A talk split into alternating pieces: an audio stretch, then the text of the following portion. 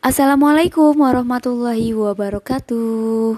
Hai hai halo teman-temanku seperjuangan di mana pun kalian berada. Selamat datang kembali di dunia podcast. Dan seperti biasa ya Sebelum saya memulai podcast kali ini Dengan tema yang berbeda Yaitu dengan tema Lembaga Penyiaran di Indonesia Saya perkenalkan dulu nama saya.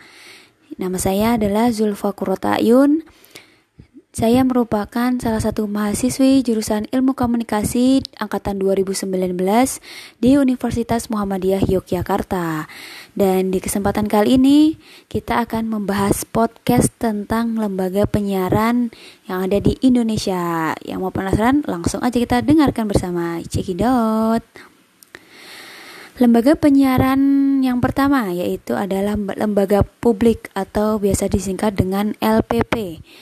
LPP sendiri didirikan oleh negara yang bersifat independen, netral, dan tidak komersial. Tujuannya pun untuk memberikan layanan kepada masyarakat semuanya.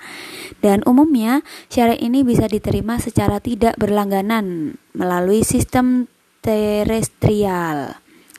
Wah, seru banget ya pokoknya yang publik untuk semua masyarakat mm, mm, bisa mendengarkan bersama. Kemudian yang kedua, lembaga penyiaran swasta atau bisa disingkat dengan LPS. Lembaga ini didirikan oleh Badan Hukum Indonesia yang bertujuan untuk bersiaran radio atau televisi dengan tujuannya komersial. Kemudian yang ketiga ada lembaga penyiaran berlangganan atau biasa disingkat dengan LPB. Nah, lembaga penyiaran ini didirikan oleh Badan Hukum Indonesia untuk menyelenggarakan jasa penyiaran berlangganan dengan tujuan komersial juga.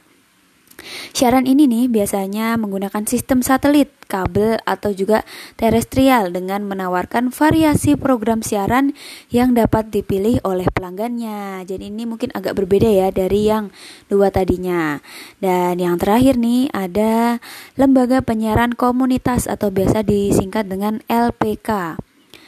Lembaga penyiaran yang didirikan oleh komunitas tertentu dan juga bersifat independen, tidak komersial ya yang ini. Tujuannya pun untuk memberikan layanan untuk komunitasnya. Jadi untuk sesama komunitas biasanya bisa dengan LPK ini atau lembaga penyiaran komunitas.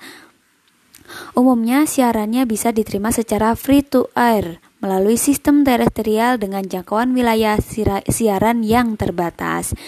Jadi tidak bisa semuanya. Mungkin semuanya bisa tapi ada gangguan sinyal pastinya dan untuk yang jangkauan lebih bagusnya jangkauan wilayah siaran yang terbatas aja. Nah, tadi udah saya ini ya, saya bahas tentang lembaga penyiaran di Indonesia. Terima kasih atas waktu dan kesempatannya. Mudah-mudahan bermanfaat. Mohon maaf apabila ada salah kata. Wassalamualaikum warahmatullahi wabarakatuh.